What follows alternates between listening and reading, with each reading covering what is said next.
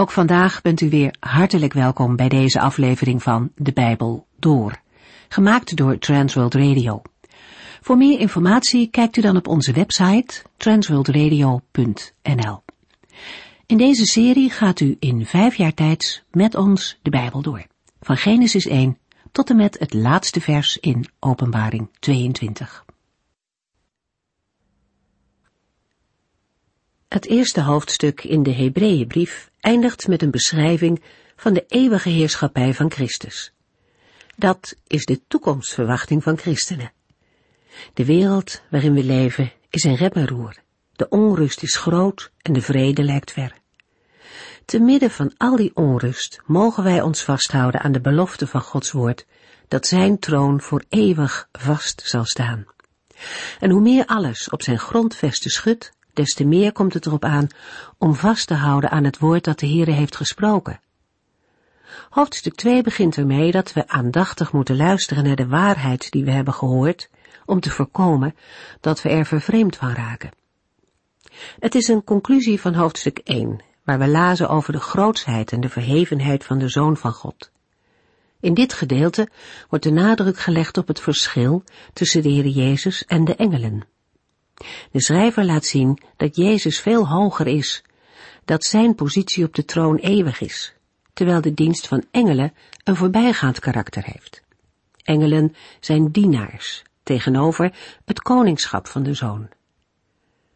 Het besef dat de Zoon van God zo hoog verheven is, dat moet ons ertoe aanzetten om alle aandacht te geven aan wat Hij ons te zeggen heeft. In Hebreeën 2 merkt de schrijver op dat het een ernstige zaak was als mensen in het verleden geen aandacht hadden voor de wetten van God, die door bemiddeling van engelen waren doorgegeven. Dat was geen vrijblijvende zaak. Maar hoeveel te meer moeten mensen dan ernst maken met de woorden van de Zoon van God? Hier wordt ook duidelijk waarom de schrijver zo nadrukkelijk heeft uitgelegd dat de Zoon van God ver boven engelen verheven is.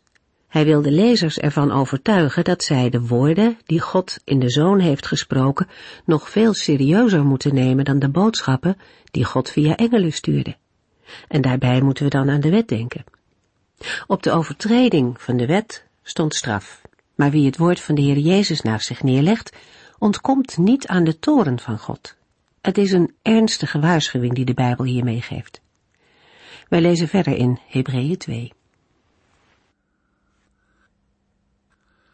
In de vorige uitzending maakten we een begin met het lezen van Hebreeën 2. We lazen in Hebreeën 2 vers 1 Daarom moeten wij heel aandachtig luisteren naar de waarheid die we hebben gehoord, anders zullen wij ervan vervreemd raken. Nadat we in Hebreeën 1 de grootheid, belangrijkheid en de godheid van de Heer Jezus Christus hebben gezien, komen we in Hebreeën 2 bij het mens zijn van Christus, zijn vernedering. Hij werd een mens, en toen hij dat deed, werd hij een korte tijd lager dan de engelen gezet. In het Bijbelboek Hebreeën vinden we een aantal waarschuwingen voor Joodse en niet-Joodse christenen. We vinden de waarschuwingen door heel het Bijbelboek heen. In Hebreeën 2 vers 1 tot en met 4 lezen we een waarschuwing tegen het vervreemd raken of afdrijven van het evangelie. In Hebreeën 3 vers 7 tot en met 4 vers 2 wordt gewaarschuwd tegen twijfel en ongeloof. In Hebreeën 5 vers 11 tot en met 14 volgt een aansporing om goed te luisteren. Slecht luisteren naar het woord van de Heere stagneert de geestelijke groei.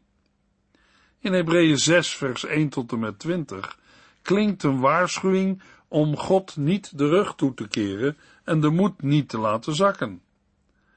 Hebreeën 10 vers 26 tot en met 39 bepaalt de lezers bij het willens en wetens blijven zondigen, waardoor een gelovige de ondergang tegemoet gaat.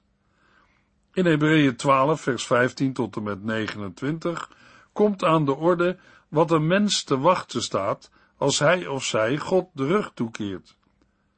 Een gelovige moet de Heere dienen met eerbied en ontzag, want onze God is een verterend vuur. Hebreeën 2 vers 1 Daarom moeten wij heel aandachtig luisteren naar de waarheid die we hebben gehoord, anders zullen wij ervan vervreemd raken. In de vorige uitzending stonden we al even stil bij de eerste twee woorden van vers 1. Met daarom moeten wij begint de conclusie van het voorafgaande hoofdstuk en tegelijk het eerste vermanende gedeelte uit Hebreeën. Het moeten wordt niet aan de keuze of bereidheid van de lezer overgelaten. Juist omdat de zoon ver boven de engelen verheven is, moet aan het woord dat God door hem heeft gesproken veel meer of zelfs de grootste aandacht worden geschonken, meer dan aan de woorden die de Heere door middel van engelen heeft geopenbaard in de wet. Met de woorden de waarheid die wij hebben gehoord, wordt het evangelie bedoeld, zoals dat eerst door de Heer Jezus zelf en vervolgens door de apostelen is verkondigd. De vermaning om het evangelie vast te houden in die vorm, zoals het door de apostelen is overgeleverd, vinden we in diverse nieuwtestamentische brieven. Dit om te voorkomen dat de gelovigen in de handen van dwaalleraars vallen. De Joodse lezers, maar ook wij, worden in vers 1 vermaand om niet vervreemd te raken van het evangelie. Zoals een schip dat niet goed verankerd is, door de stroming wegdrijft van zijn oorspronkelijke lichtplaats, zo dreigen de Joodse gelovigen, aan wie Hebreeën is geadresseerd, van hun geloof in de Heer Jezus Christus terug te vallen in het Jodendom. Dat deze kans reëel aanwezig is, blijkt uit andere directe waarschuwingen in deze brief. Hebreeën 2 vers 2 Boodschappen die God via engelen stuurde, zijn altijd betrouwbaar gebleken. Wie die niet gehoorzaamde, werd gestraft. Met de woorden boodschappen die God via engelen stuurde, worden de wetten van Mozes bedoeld. We lezen in Exodus niets over de activiteit van engelen, maar wel werd Gods verschijning aan Mozes begeleid door stormwind en vuurvlammen. We hebben in Hebreeën 1 vers 7 uitgelegd dat wind en vuur ook bij de verschijning van engelen een rol spelen. In de Griekse vertaling van Deuteronomium 33 vers 2 wordt de aanwezigheid van engelen bij de wetgeving vermeld. Verder spreekt Psalm 68 vers 18 over vele duizenden strijdwagens in verband met de verschijning van de Heer op de Sinaï. Ook in het Nieuwe Testament wordt gezegd dat de wet door bemiddeling van engelen werd gegeven. De uiteenzetting van de schrijver om het groter en belangrijker van de zoon boven de engelen te bewijzen, dient uiteindelijk om de lezers ervan te overtuigen dat aan de woorden die God in de zoon heeft gesproken veel meer aandacht moet worden geschonken dan aan de wet van Mozes. Met een beroep op de geldigheid, het gezag van de wet en door te wijzen op het onverbiddelijke van de wet, zegt de schrijver dat de gelovigen die lichtvaardig omgaan met de openbaring van de Heere in zijn Zoon Jezus Christus, zeker niet ongestraft zal blijven. Dat juist het onverbiddelijke van de wet aan de orde wordt gesteld, bewijst wel dat aan de lezer een ernstige waarschuwing wordt gegeven. In de woorden van vers 2 zijn alle onbewuste en alle opzettelijke zonden tegen de wet samengevat. Iedere zonde tegen de wet wordt gestraft met een rechtvaardige vergelding of beloning. Kortom, de overtreder weet precies wat hem te wachten staat. Hebreeën 2 vers 3 Hoe durven wij dan te denken dat wij de straf zullen ontlopen als we geen ernst maken met de geweldige redding die door Jezus Christus zelf is bekendgemaakt en aan ons is doorgegeven door de mensen die Hem hebben gehoord. Als een overtreding tegen de wet al een bestraffing tot gevolg heeft, hoe zullen dan gelovigen, die de boodschap van het evangelie verwaarlozen en afdrijven, aan de toorn van God ontkomen? De woorden in vers 3 maken duidelijk dat de redding in dit vers van een veel groter gewicht en van een geheel andere orde is dan de redding die via de wet kon worden verkregen. Het eigenlijke onderwerp van de boodschappen die via engelen werden gestuurd, is God de Vader. Zoals Hij gesproken heeft via engelen, Zo gaat het in vers 3 om een spreken van God door middel van de Heer Jezus. Daarbij moeten we in de eerste plaats denken aan de verkondiging van de Heer Jezus in Matthäus 4, vers 17. Bekeer u, want het koninkrijk van de hemel is vlakbij.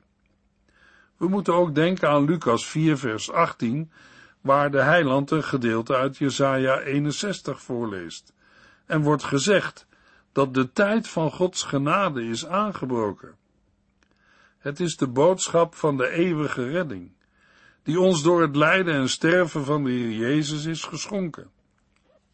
Degenen die het gehoord hebben, zijn niet de grote groepen mensen die naar de Heer Jezus luisterden, maar de apostelen, die getuigen waren van al de woorden en daden van Jezus. Uit het feit dat de schrijver zichzelf insluit met de woorden aan ons, kunnen we opmaken dat hij daar persoonlijk niet bij hoorde. Het in het verleden door de apostelen verkondigde evangelie is, tot op dat moment, in zijn betrouwbare, originele vorm bewaard gebleven. Hebreeën 2 vers 4 God heeft bewezen dat die boodschap waar is, door tekenen, wonderen en machtige daden, en ook door de gave van de Heilige Geest te geven aan wie hij wil. De schrijver noemt de drie dingen waarin de nieuwe openbaring de oude wet overtreft. 1. Zij is geopenbaard door de Heer Jezus Christus zelf. 2. Zij is bevestigd en verkondigd door de apostelen, de ooggetuigen. En 3. Zij wordt door de Vader bewezen, door tekenen, wonderen, krachten en gaven van de Heilige Geest.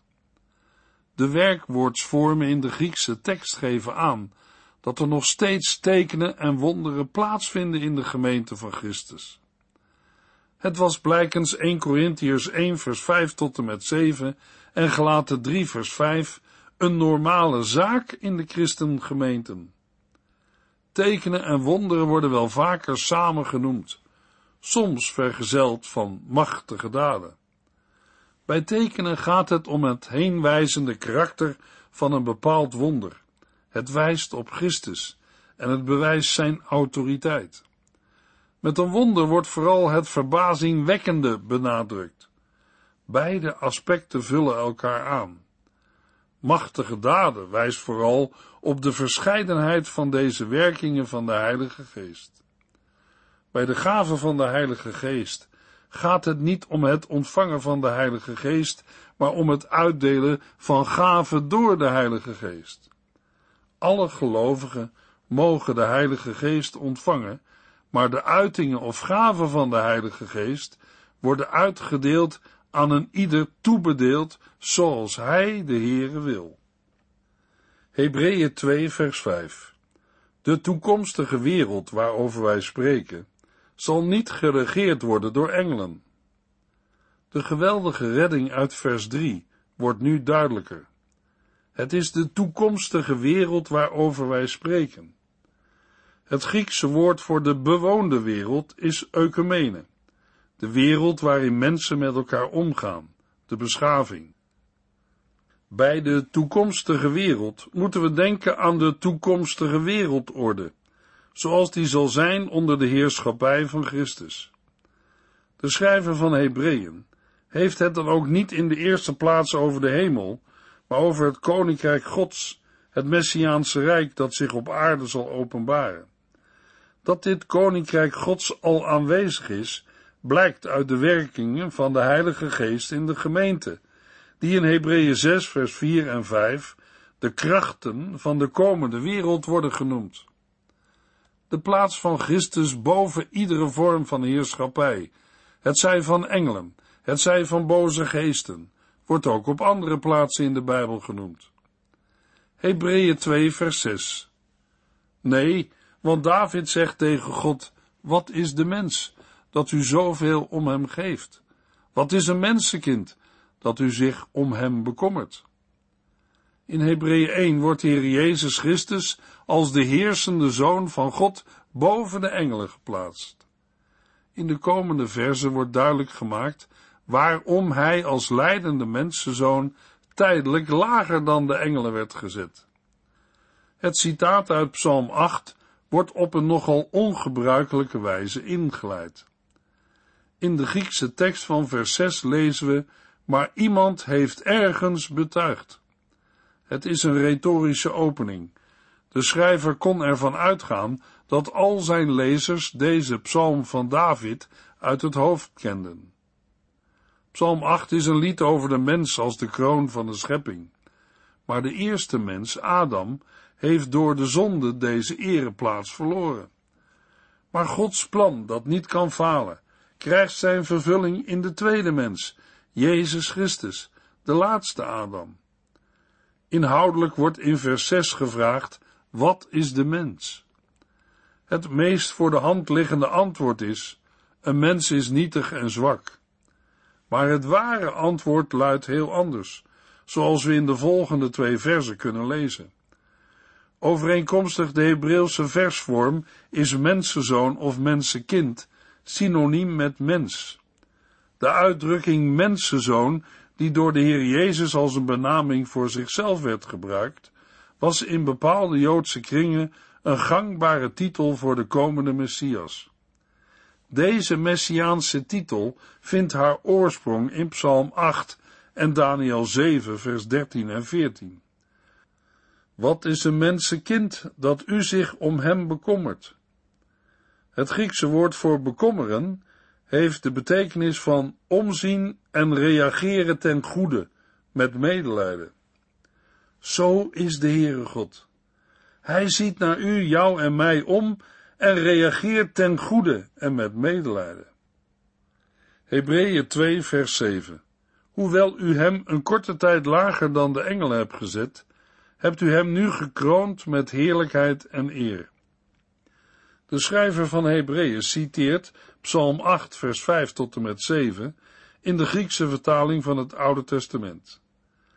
Dit verheldert op twee punten zijn interpretatie van ons vers.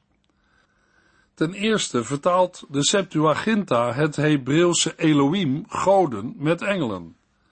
Dat doet ook een zeer oude Joodse vertaling van het Oude Testament in het Aramees, de Targum. Ten tweede is het Grieks voor een korte tijd dubbelzinnig. Het kan zowel betekenen een beetje als voor een korte tijd.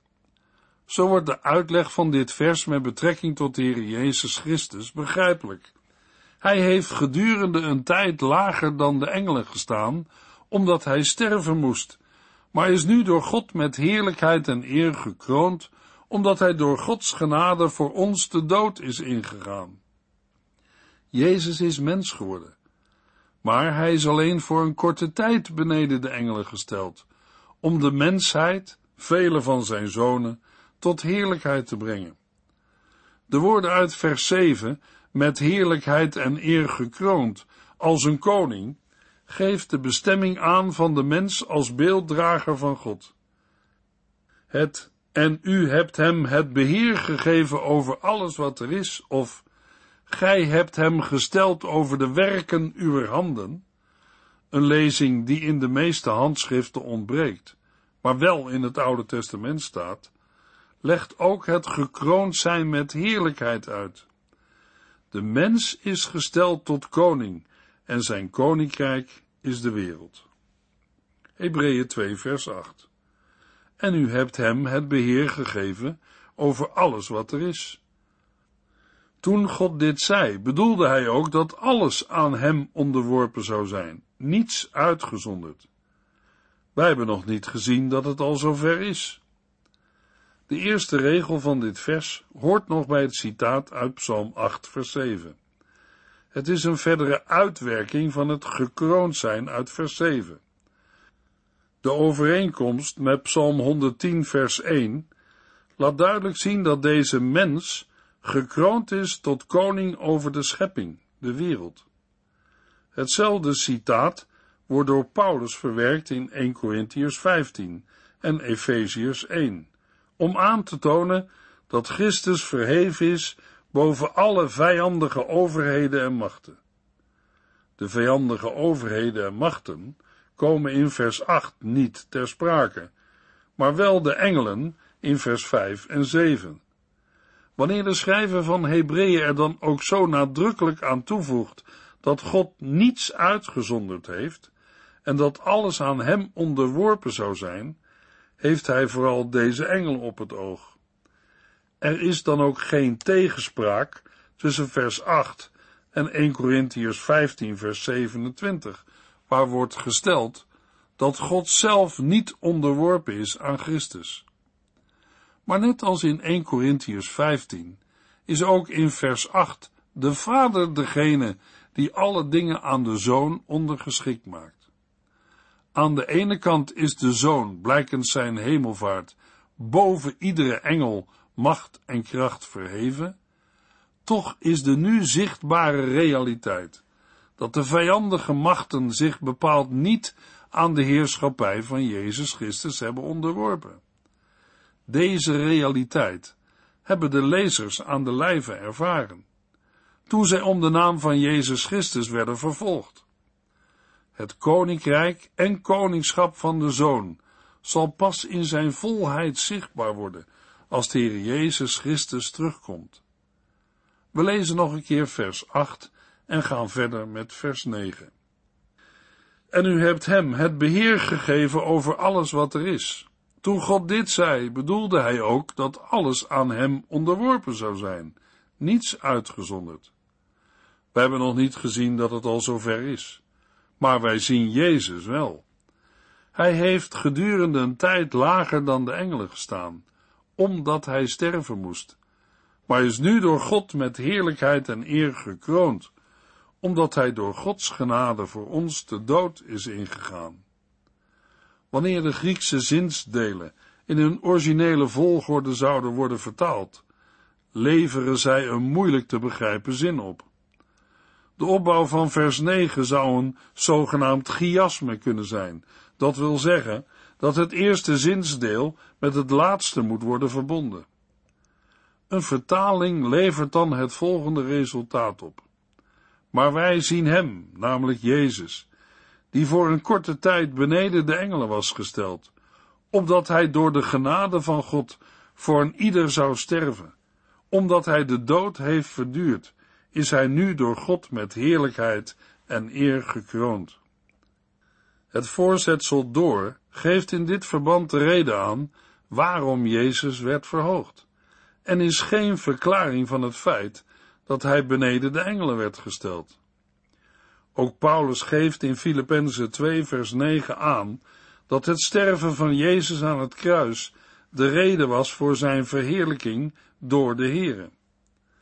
De gelovigen richten hun blik op Jezus, die al verheerlijkt is. Van daaruit mogen zij met zekerheid weten dat ook zij verheerlijkt zullen worden, ook al ondervinden zij op dit moment nog verdrukking.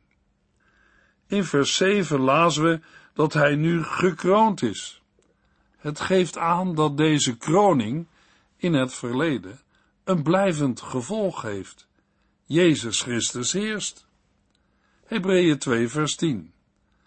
Het was juist en goed dat God, die alles ter wille van zichzelf heeft gemaakt, Jezus heeft laten leiden, waardoor vele van zijn zonen in zijn heerlijkheid konden delen. Door zijn lijden is Jezus hun volmaakte leider geworden, de enige die hen kon redden. De vermelding van dood en lijden roept als het ware om een verklaring. Waarom moest de zoon lijden?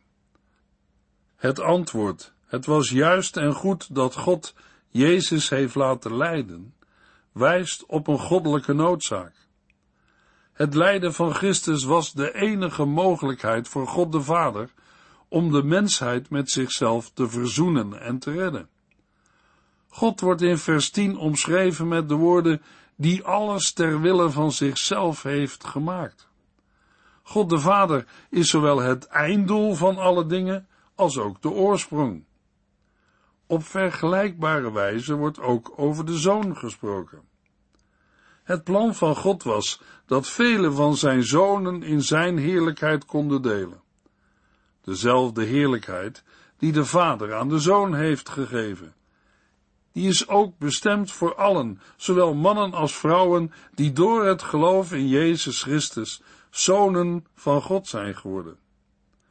De zoon wordt in vers 10 genoemd hun volmaakte leider, de enige die hen kon redden. De zoon is zowel de oorsprong van het heil als ook de eerste die deze heerlijkheid ontving.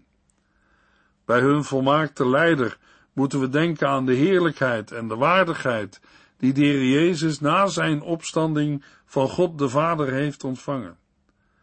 De Heer heeft zijn zonen, de gelovigen, tot heerlijkheid geleid op het moment dat de Zoon Jezus Christus verheerlijk werd. Daarover lezen we in Efeziërs 1, vers 3. Aan God, de Vader van onze Heer Jezus Christus, komt alle dank en eer toe. Hij heeft ons, nu wij één zijn met Jezus Christus, alle geestelijke zegen gegeven die er in de hemel is. En in Efeziërs 1, vers 11 tot en met 14, door onze eenheid met Christus zijn wij het eigendom van God geworden. Dat is altijd de bedoeling geweest van Hem die alles doet zoals Hij zelf wil en goed vindt. Hij wilde dat wij Joden, die al zo lang gewacht en gehoopt hebben dat de Christus zou komen, Hem zouden prijzen en eren. En niet alleen wij, maar ook u, die de waarheid hebt gehoord, het goede nieuws dat uw redding is. Toen u in Christus ging geloven, gaf God u de Heilige Geest, die hij had beloofd als een bewijs dat u van Christus bent. Deze geest in ons is een borg voor wat God ons allemaal zal geven als hij ons, zijn eigen volk, zal verlossen. Een reden te meer om hem te eren voor zijn grootheid. In de volgende uitzending lezen we Hebreeën 2 vers 10 tot en met 17.